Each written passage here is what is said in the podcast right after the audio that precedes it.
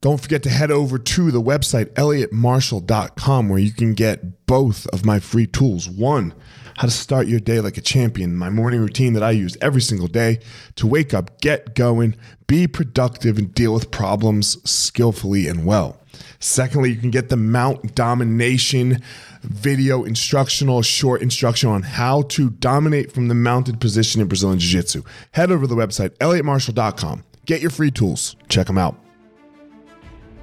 What's up, guys? This is former UFC fighter Elliot Marshall, and you are listening to The Blueprint. I believe that there's a blueprint of how the most successful people structure their lives. They don't all do it the same, they don't all do the same things. And on this podcast, you're going to hear inspirations, motivations, and stories about how they go through their life. These stories will give you clues and tricks of exactly how you can discover your passion, find your power, and then go give your purpose to the world. Thank you so much for listening. Let's jump into this week's episode.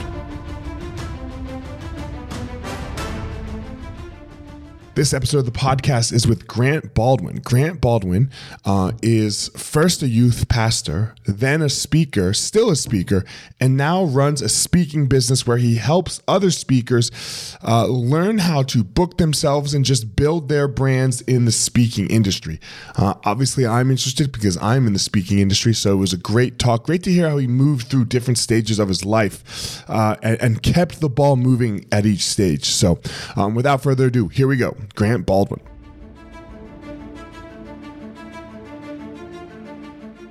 Grant, my man, how are you?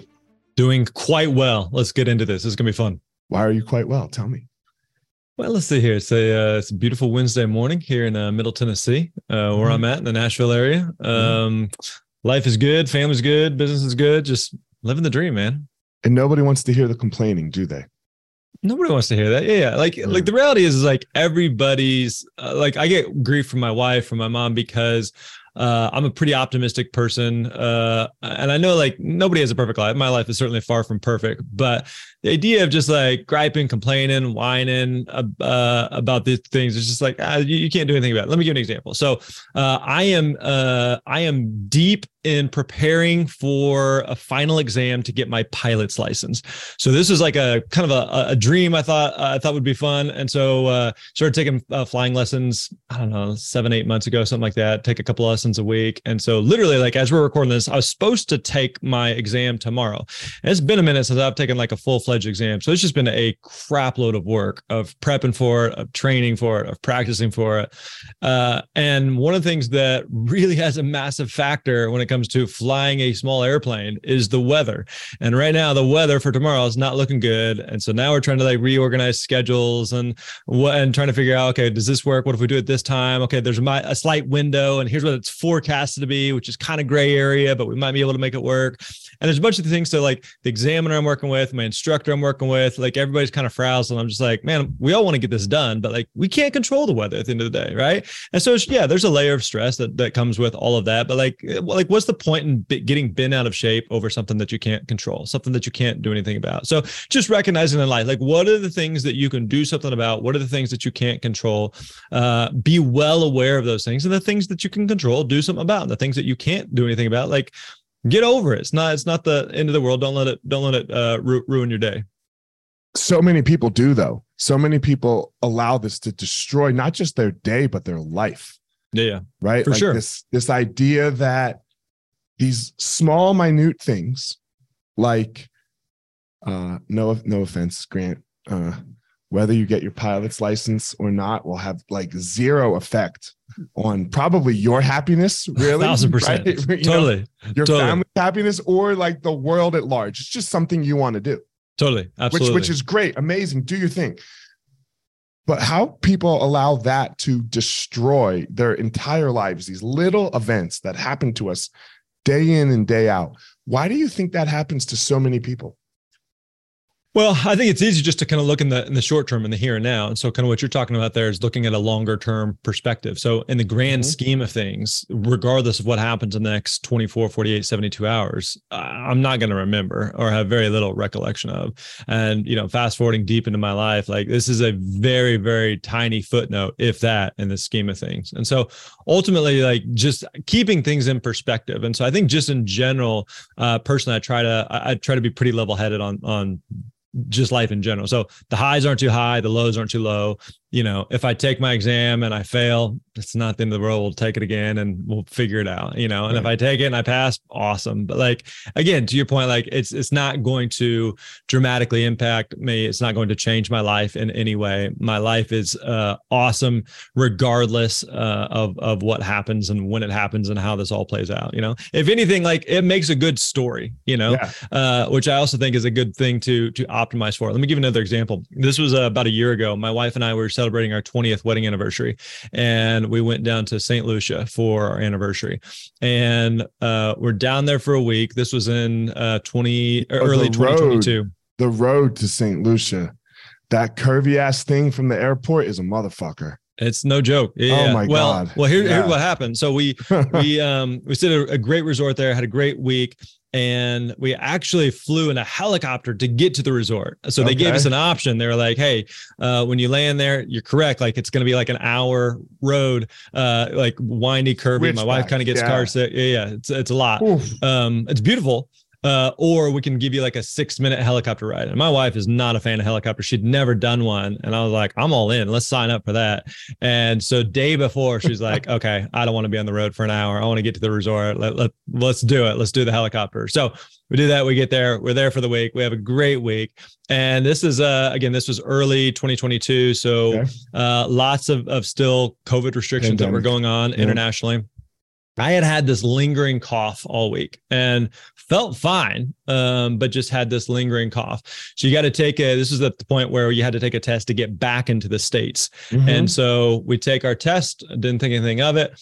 Uh, the next day, uh, the hotel manager shows up and and uh, like, hey, can I can I come in and like, can you put your mask on? And you're like, uh, geez, what's going what's ah, going down here? And so uh, I had tested positive, and right. every country is different. And the policy for St. Lucia was that once you tested positive, you had a, a seven day mandatory quarantine. And so I'm used to being able to like sweet talk my way in and out of things. And I was just like completely dumbfounded. I was like, whoa, whoa, whoa. Like, I can't go home tomorrow. Are you kidding me? Like, for real? Like, is this a joke? Like, can I retest? Like, what are my options here? And there's just like, no, no, like there are no options. And it's not, it wasn't like the hotel's policy. Like this is, you know, the country's policy. The US isn't going to let me back in if I test positive. And so uh, it was just a weird deal. So long story short, like I ended up, uh, my wife flew home the next day. It was super, just a big bummer. I'm like, oh man, we had this amazing trip, and here's how it's gonna got to end. So for the next week, they moved me to a different room, and I'm stuck in that room for. Right, you can't. It's not like you can go out and have fun. No, now, no, right? you can't go to the beach. You can't. People are like, oh, you're in St. Lucia. It's like you can't yeah. leave the room. Like you're you're trapped. You know. So it was one of those things. Like, um, uh, it, it, you know, super bummer in the in, in the in the moment and at the time. But fast forward, you're like, that was just a fun story, you know. It's just a crazy, like, uh, just a crazy time we'll look back on. And so again, I think a lot of it is is the perspective of I'm not going to be, I wasn't miserable that week. Like life's still going to go on. I'm going to make a funny story out of it. Like work still continued. I got a lot done. Um, you know, I was gone over Valentine's. So it was FaceTime with my family, you know, like again, it's a bummer, but then like it makes a good story. So you don't again, even like think, in this, it's just funny yeah like in the scheme of things like you you can't let some of these things like just ruin your world or, or get you bent out of shape. Like it's just not it's just not that big a deal. Did you always think like this or was this a learned thing? I feel like i've always been a pretty optimistic person. I'm a pretty motivated pretty driven guy but i i feel um um, a level of of confidence like i can figure stuff out we can make stuff happen and it's not always going to go my way it's not always going to be perfect by any stretch. Um, but i think for the most part i tend to feel like hey, you just you keep showing up keep putting in the work not every day is going to be perfect but things you know for the most part things are going to work out. Yeah i'm so i'm very similar now but i didn't always think this way this or this first. So that's why I asked that question because this was yeah. learned from me through through struggle and difficulty, not thinking like that. So um it's a good lesson for everyone, right? Like you, can, you some people have this, you know, and like some people are born naturally tough, uh, and other people learn how to be natural, and learn how to be not naturally tough, but tough. Totally. And you can both end up at the same exact spot in the level of toughness, level of mental thinking, you know. Um, and I'm sure that this level, this type of thinking, one of the things I like to uh, we like to talk about a lot on the podcast is everything has benefits and drawbacks. Yeah, yeah. Right. So it's it's not like this optimistic thinking just is always great for you. I'm sure it sounds like it drives your wife fucking nuts. Uh, there are there are days where that happens because she can she can have um uh she can have a bit more anxiety and stress about yeah. certain things and it's just kind of like babe chill. There's nothing, you know, you gotta be right. cautious in how you, how you word those things. But uh, saying that to her, babe, yeah, chill, it doesn't go very well. Yeah, it cannot always fly well. But yeah. yeah, I think like just, um, I know that sometimes my own calmness in in some type of stressful situation helps her to relax and helps her to stay calm. Like okay he's got it. He'll figure it out. And uh, so i know that sometimes that that can and not just again in a like in a, a marriage relationship but i know even within uh, uh the our company. So we've got 30 something employees and who I'm the CEO and founder. People look to me for wisdom and direction and advice and whatever and decision making and yada yada. And I don't have every answer. I don't know everything that we're we're supposed to do. And I think we're, you know, every entrepreneur, every person just making it up as they go, doing their best. Uh, but having a level of just steadiness, a steadfastness, of calmness is I think is helpful and reassuring uh, to, to other people. Tell me about your business. I know you are you are a speaker in the speaking business. Yeah. So first, let's go about what it, what is your business? What is the business?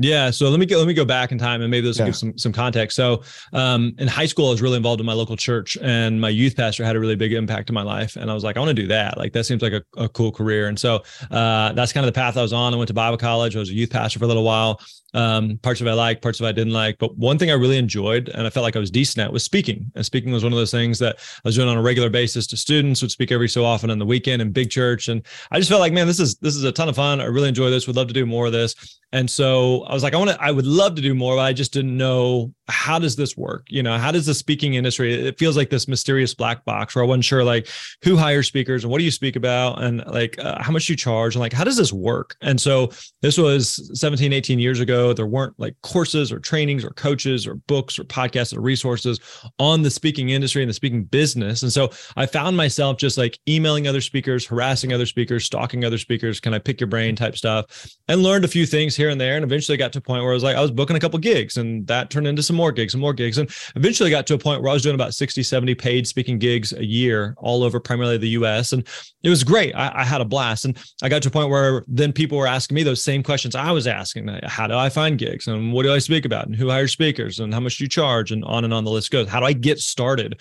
And so about seven years ago, I started a training company called the Speaker Lab. And the Speaker Lab is basically a, what I wish I had when I got started. So it's a training and coaching company teaching the business of speaking and how do you find a book paid speaking engagement. So yeah, that's what we do. We work with uh with speakers. We're completely virtual company. We work with speakers uh, in in every U.S. state in 49 different countries around the world. Uh, speakers at all different levels and experiences and ages and stages of life and where they're at in their journey. But there's a lot of people who are interested in speaking and people, some people who want to say, I want to, I want to do 60, 70, 100 gigs a year. I want to do, go all in on speaking.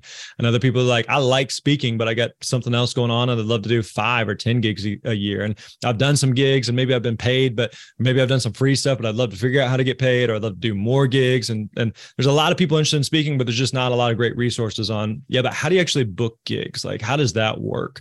And so that's the, the core of what we do today. I love it. I love speaking. It's one of my favorite things.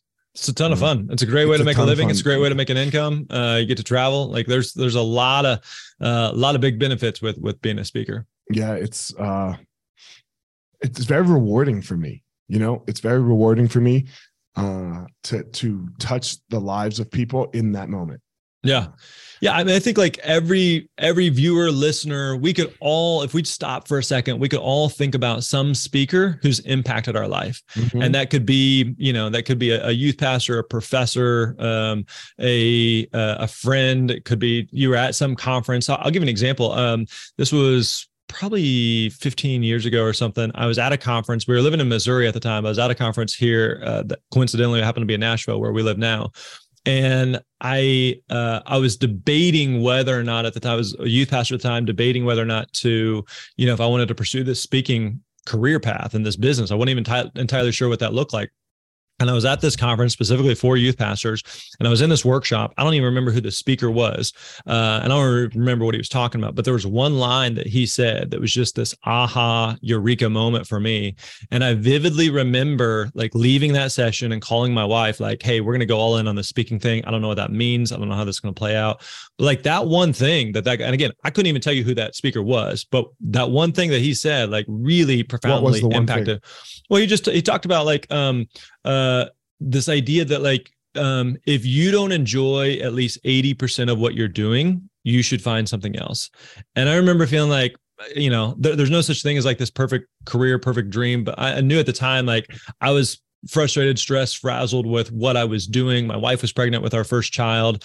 Nothing like bringing a kid into the world that causes you to question everything and figuring out what you want to do when you grow up and so uh yeah that, like that one line i just remember thinking like all right well then maybe i need to find something different. And again like i don't i don't even remember who the speaker was or what the the context of was was of what they were talking about but just that one thing that he said like really profoundly you know change the trajectory of my life my business my career.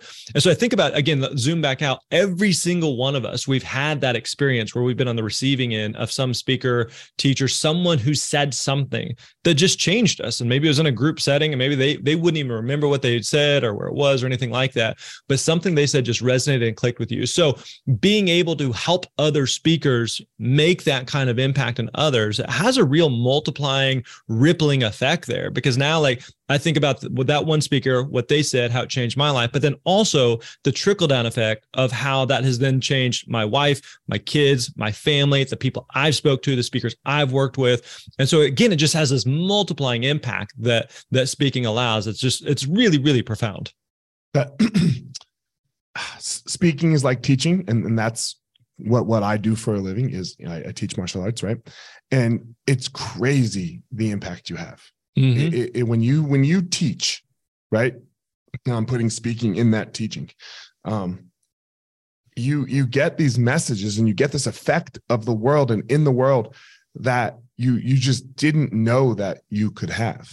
Yeah. You know, and sometimes uh sometimes again on this benefits and drawbacks thing uh, and I want to ask you how you deal with it is when, when you become someone who li- you know who has people listen to their word, which is what speaking and teaching tends to be. Um, sometimes you can have a negative effect, right? Because you know you're you're up there, you know, or or just talking with somebody randomly, not speaking, and you make a joke, you say something.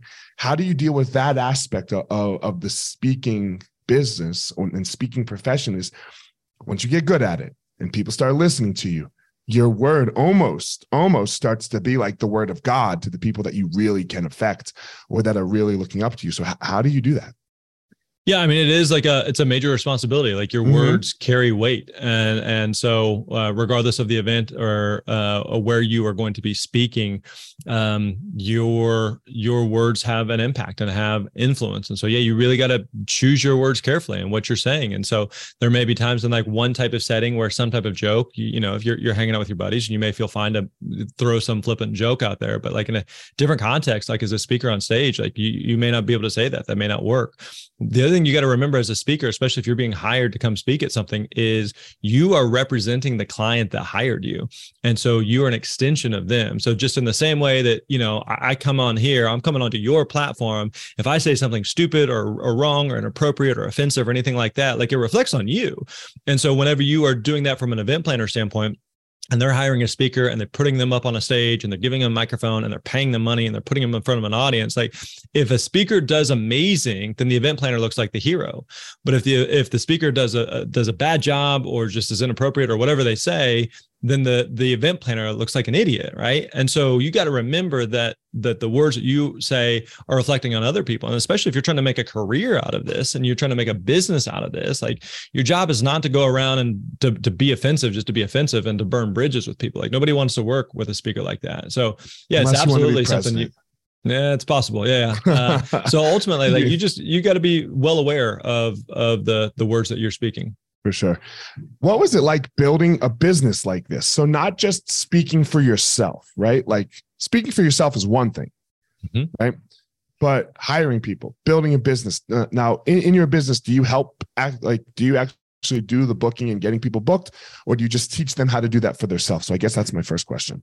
Yeah, good question. So, what we always say is we don't catch fish for you, we teach you how to fish.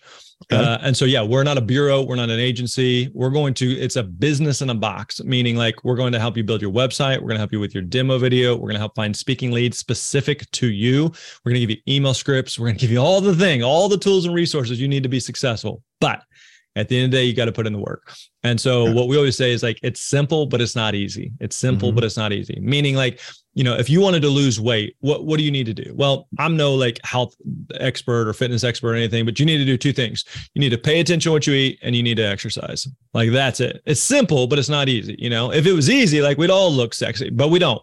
And and so that means like you you got to require it requires work. It requires discipline. So the same thing for you know working out. Like if you're a, a martial arts instructor, like I'm gonna tell I'm gonna teach you everything you possibly need to know but you still got to show up and do the work. Like i can't do it for you you know? Same thing with like me preparing for this this uh this uh pilot exam right? Like i know what i need to know like I, I, they tell you here's the stuff you need to know but like my examiner my instructor can't learn it for me. Like mm-hmm. it's simple. Here's what you got to know man. Just you, you got it's pass or fail. You know, it's really black and white, but you got to learn it. You got to put in the work. You got to do the You got to do the reps. And so uh, the same thing is true with speaking. Like we're going to make it dead simple for you, but at the end of the day, you you still got to put in the work.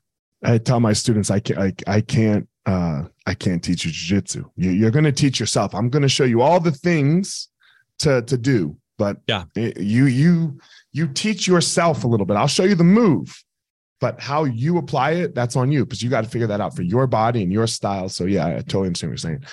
What was so now that the business, you're not going out and getting people booked. What was the growth process? What did the growth process of the business look like? When did you shift from I want to speak to I want to teach other people to speak?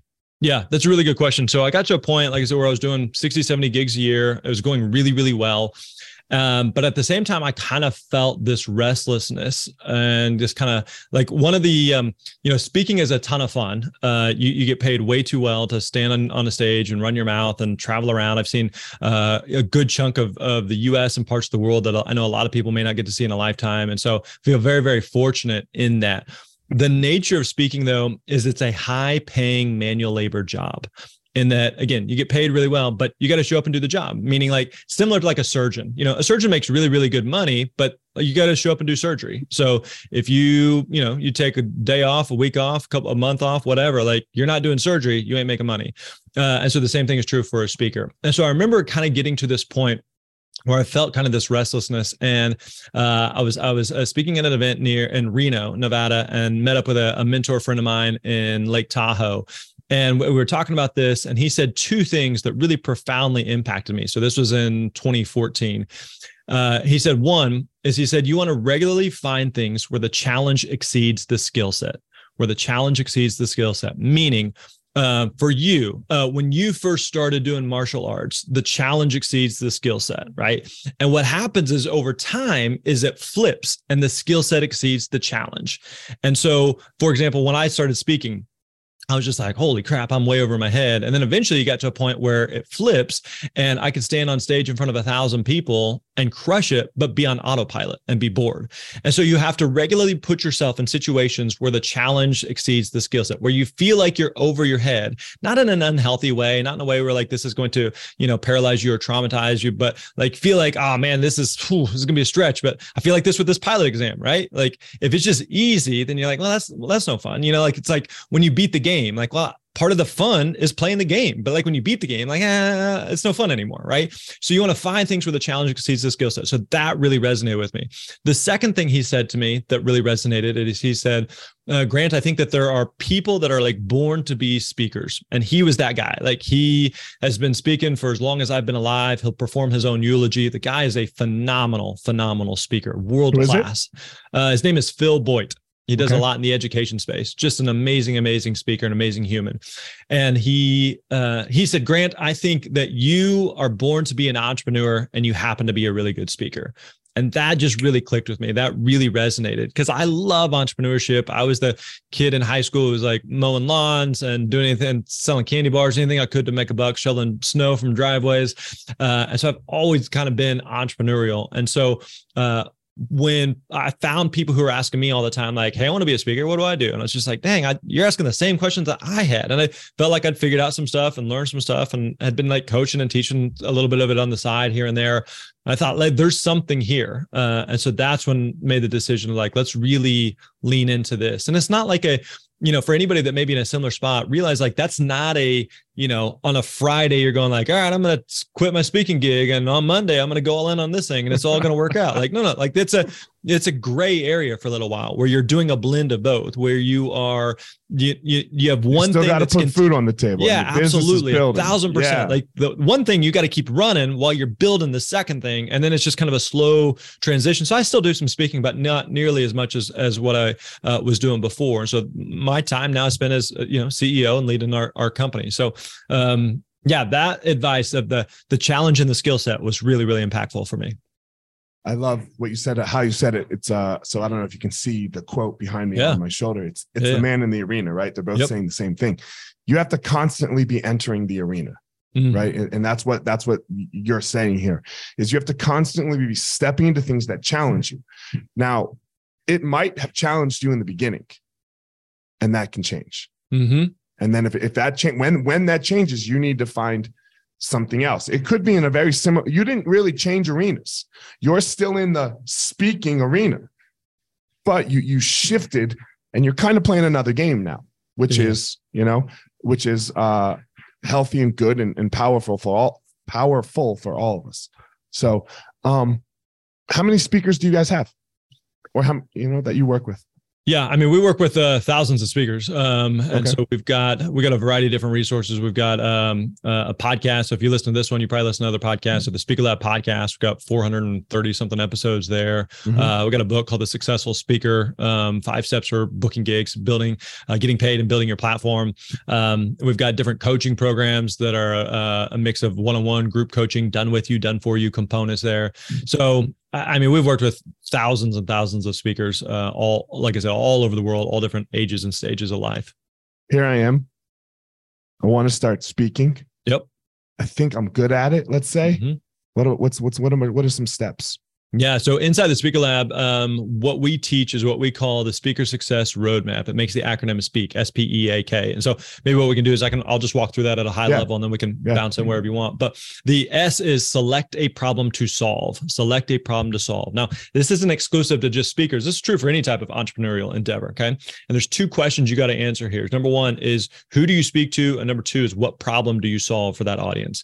So when we talk about who you speak to, oftentimes the mistake here is that people want to go as broad and vague and big as possible. So who do I speak to?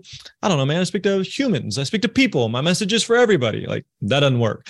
And the same thing is true whenever I ask speakers, like, okay, tell me what you speak about. And sometimes they'll say, well, what do you want me to speak about? I can speak about anything. We could talk about, you know, business or marketing or sales or leadership or customer service or martial arts or family or sports or da da da da da.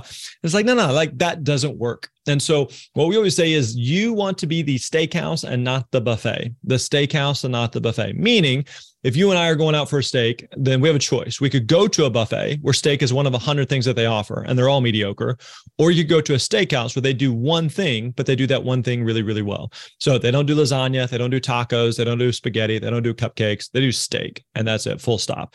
And so the same thing is true with speakers, and it's counterintuitive because oftentimes, again, we think that the the we need to spread the net as far and wide as possible. The more things I can speak about, the more people I can speak to, the more opportunities I will have.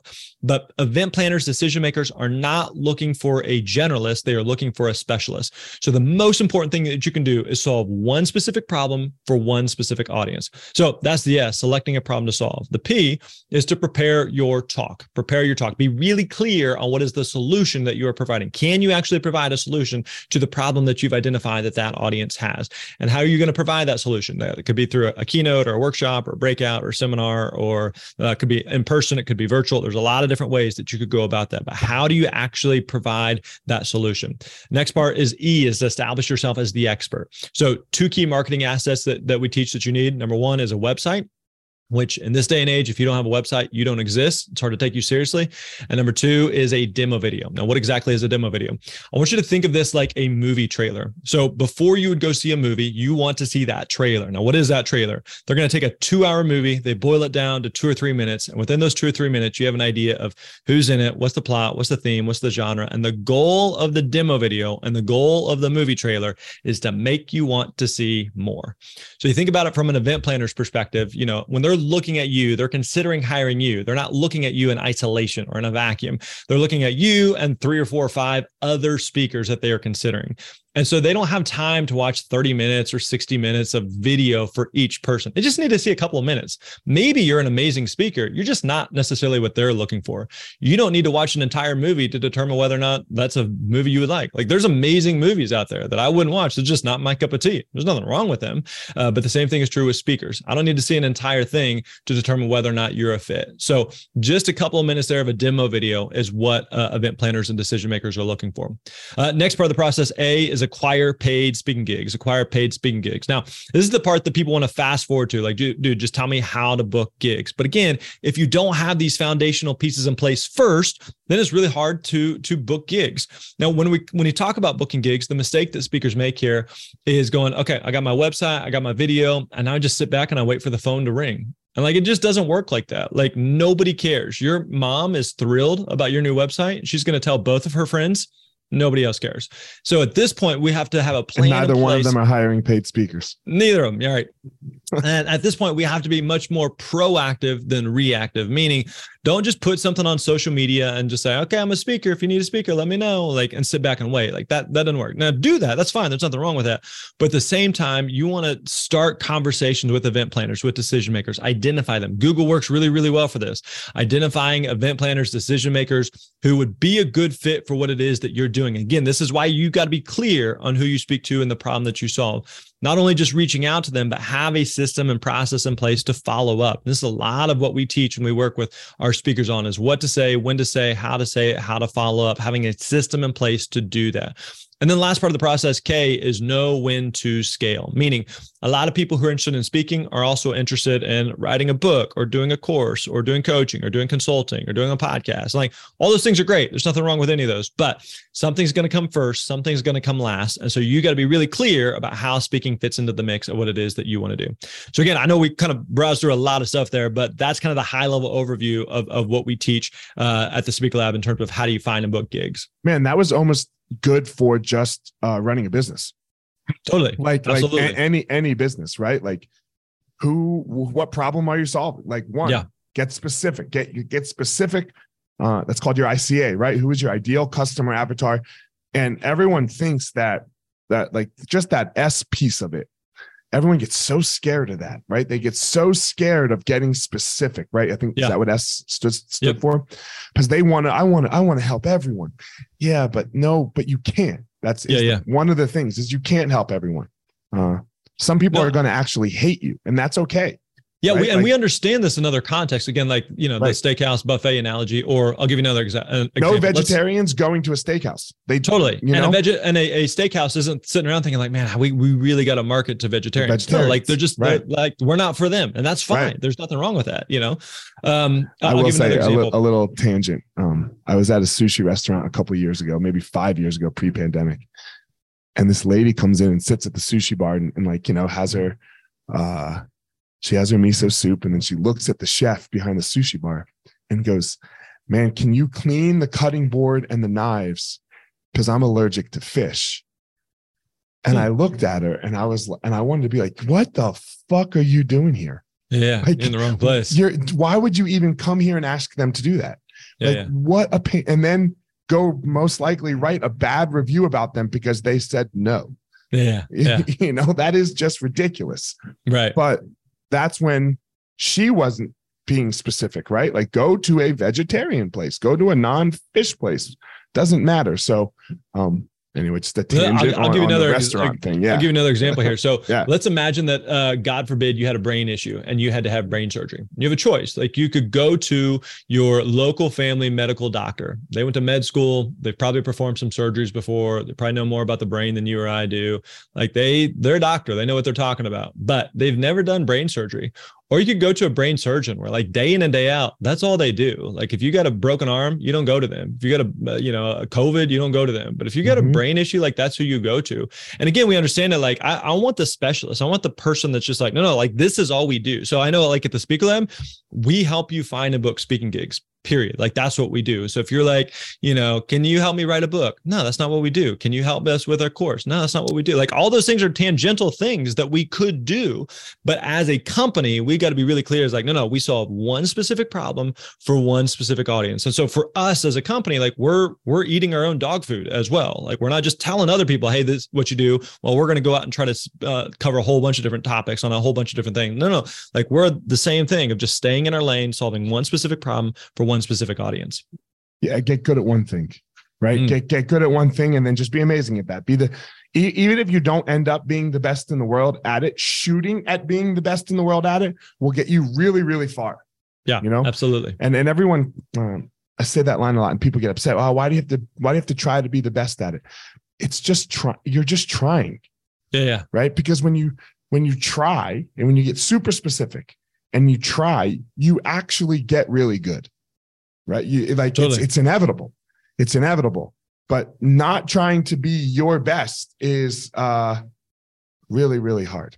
Yeah, let me No, piggyback really, on that really for a second because Yeah. I, I think that um, you know one reason that uh, the our company's had some level of success is not only do have we solved one specific problem for one specific audience, but like we've done that over an extended period of time.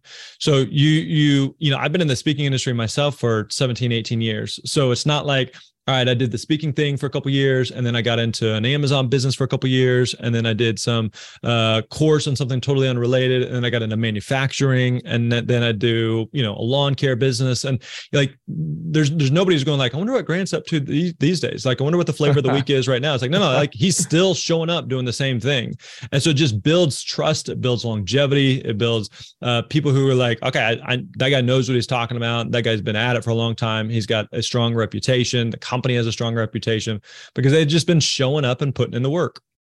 Why do you think that matters so much? I I think it's just too easy with like too many shiny objects to just bounce from thing to thing to thing, and it's just hard to to uh, build momentum or traction at, at any of those things, you know. Right. Uh, and so, you know, for someone who uh, is like I, you know, uh, with a business or a career path, and like, okay, I'm gonna, you know, I'm um, I'm a, let's say I'm a, I'm running a marketing agency, and we're gonna focus on Facebook, and then we're gonna bounce to TikTok, and now we're gonna focus on Pinterest, and then also we're going to get into copywriting, and all of a sudden, it's just like I don't know what you do, and it and you just don't have a ton of confidence. Again, go back to like the the doctor brain surgeon analogy. Like uh, the doctor's a smart person; they're a smart human being, but like if they don't they don't know brain surgery. Like i don't want them cutting me open.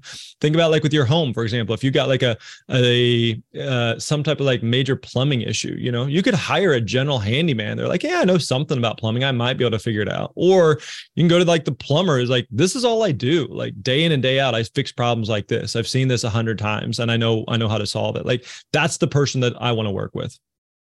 My yeah my friend I, my friend was in construction and, and his his whole family had been their whole life and i can remember. The one the one thing he told me was uh because i was we were building these bigger schools and remodeling the businesses you know the, the the buildings. And he goes elliot when you hire somebody you want them to have dirty hands and show up in work boots. Yeah yeah. You know because that's that means they do the work. They're not just hiring out the work to subcon he's like show they that's how you want them showing up because Yeah. that means they know what the fuck they're doing. So um, super important um, as we close here i like to ask people two questions. Um, and this isn't like a tooting of my horn or anything like that. So uh, if it comes off that way that is not the intention. Uh, it's it's around the roi on time you know? We all have a very limited amount of time. And this podcast uh, it's not a massive podcast. Uh, you know it, it does okay but it's it's not uh it's not jocko it's not grant cardone it's not tim ferriss it's not you know the pod god joe rogan uh it probably won't move the needle for you uh so you really just you know it's one bald guy with a beard talking to another bald guy with a beard perfect time well spent So, why, but why is that time well spent to you? Why, why, why say yes? Yeah. So uh, I think this also kind of goes back to one thing we are touching on to just uh, finding your lane and staying in that. And so there's a lot of different things that we could do to market promote what we do at the Speaker Lab. And the uh, people who are interested in speaking are are everywhere, right? Um, so figuring out what are what are some of the best ways that I can help move the needle. Uh, I personally love podcasting. I listen to a ton of podcasts. It's the it's the medium that I choose to like mostly consume content in. I don't watch YouTube a ton. I don't read a, a ton of, of blogs or newsletters or anything like that. The way I prefer to consume media and share media is primarily through podcasting, and it's a really intimate medium. You know, people who are with us at this point who've listened for you know 30, 40 minutes or so. Uh, they they feel like they know us. They feel like they have some type of connection with with you and I, right? Mm-hmm. Uh, I'm not going to spend 30, 40 minutes reading a newsletter or an article. I'm just not. Um, and even like a, a, YouTube video, like every single person who clicks on a on a, a YouTube link, uh, if a friend sends it to them, like, oh, you got to check this out. This is a cra- crazy video or an interesting video or whatever like everybody looks at the corner first and like how long is this you know and anything more than a couple minutes is just like Oh man, this thing is like. I had a friend, like, bro. He used to send me these videos an hour long. And I'm like, man, yeah. who, who has ain't, time for ain't that? nobody got time for that, you know. Right? So, but yeah. like, you know, an hour podcast or a 30 minute podcast, like people will listen to that, and so it's a medium I personally enjoy. Um, I, I enjoy um, being on both sides of the microphone. We do a lot of interviews. We give a lot of interviews, uh, and so it's a um, it's a medium that that's worked well for for us. Awesome. I believe everyone has a unique power and uh, you know god gives it to you the universe gives it to you you you learn it through life you know what whatever it is doesn't matter how you acquired uh, you go then give that power to the world and then the world gives you back something in return that's equally as amazing what's your power Good question. Um, I'll give you two answers. Um, one is uh, I think I do a, a, a very good job um, uh, building teams and leading people. And so our uh, been really intentional with the Speaker Lab that I want this to be the best place that people ever work. The reality is, is uh, everybody's got to do something. Everybody's got to work somewhere, and so most people are probably going to do a variety of things over the course of their career it's as a business owner, it's hard to find great people and to retain great people because they have good options. There's other places they could work. They could start their own thing. They could do their They're own smart. thing, whatever. Totally. Absolutely. And so uh, I'm really, really intentional about telling people I want it, I want to make it really, really hard for you to leave. Like not in a manipulative way, but like I never want you. I'll give an example. There's a, a team member I was talking to recently, um, and he's been with us a little over a year, and he said, "This is the first job I've had where I'm not thinking about my next job." and my foot's not out the door. I had our um, someone else on our team, a high level person, who forwarded me an a email. This was just over the weekend, a couple days ago, uh, for a, an email list that they're on and a, different company was looking for uh, a high level marketing role, which he would be amazing at, be a great fit at. And he said a few years ago, I would have been all over something like this. And now, like, not even interesting, uh, not even appealing because I love what we're doing here. In the past almost two years, we haven't had, we've got 30 something team members. We haven't had anybody leave. Uh, like, people just are, we've been really intentional about the culture and creating the type of environment where people like, dang, this place is, is legit. Um, so I think I've done a good job with that. I think that's a superpower. More more than that, though, I'd say the thing that I'm I'm really deeply passionate about is I tell our team regularly that who you are is more important than what you do. Who you are is more important than what you do. Meaning, if you and I are great podcasters, if we're great entrepreneurs, if we're great speakers, if we're great fill in the blank, but we drop the ball as husbands, as wives, as moms, as dads, as sons, as daughters. If we are a shell of a human being, we are doing it wrong. So, like I mentioned, I'm married to my high school sweetheart. We've been together 26 years, been married 21 years. Uh, we got three daughters, uh, 16, 14, 12. I'm in my own Barbie dream house. It's the best. I love it. And as much as I love building a business, as much as I love podcasting, as much as I love talking shop and life, like we've done here, my most important roles are being an amazing husband and being an amazing father. Like that's really really important. And so uh, that's a big big deal to me because uh, ultimately like man if i crush it in business and my bank account has a bunch of zeros on it but like my girls don't have a relationship with me and my marriage is falling apart like it's not worth it not worth it at all. So that's the stuff that ultimately really matters. You are the person that the people who live in your walls think you are hmm.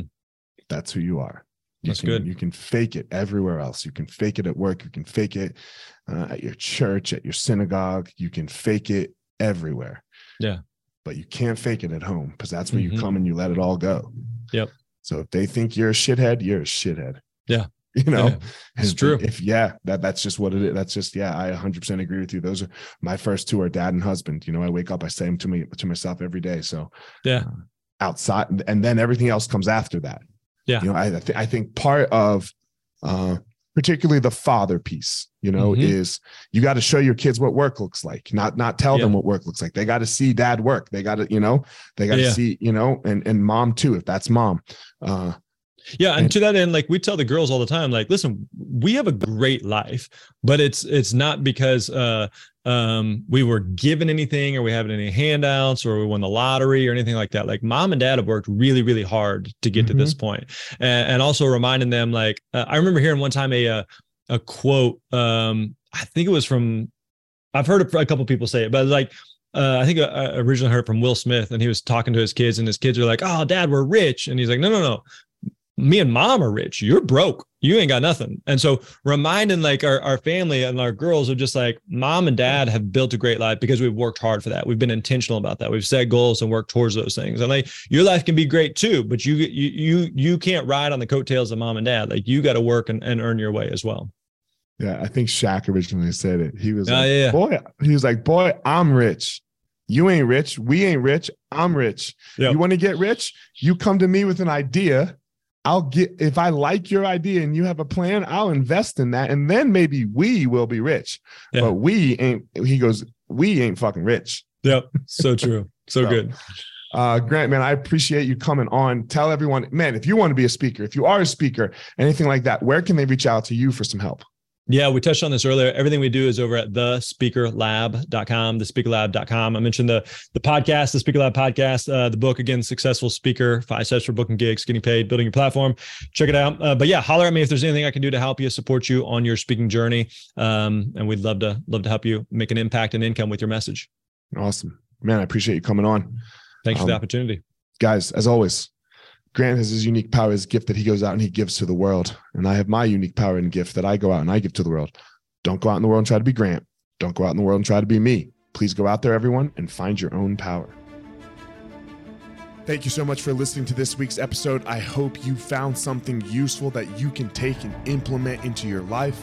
Don't forget to head over to wherever you are listening to this podcast and leave a review. That would be greatly appreciated. Also, go follow me on social media at FireMarshal205 on Instagram. Leave a comment, anything that you would like there. And as always, if you think this would be useful for somebody else that you know for their life, send it their way. That would be greatly appreciated. That's it for this episode, guys. I hope you all have a great day and you go step into that power so that you can give your purpose to the world.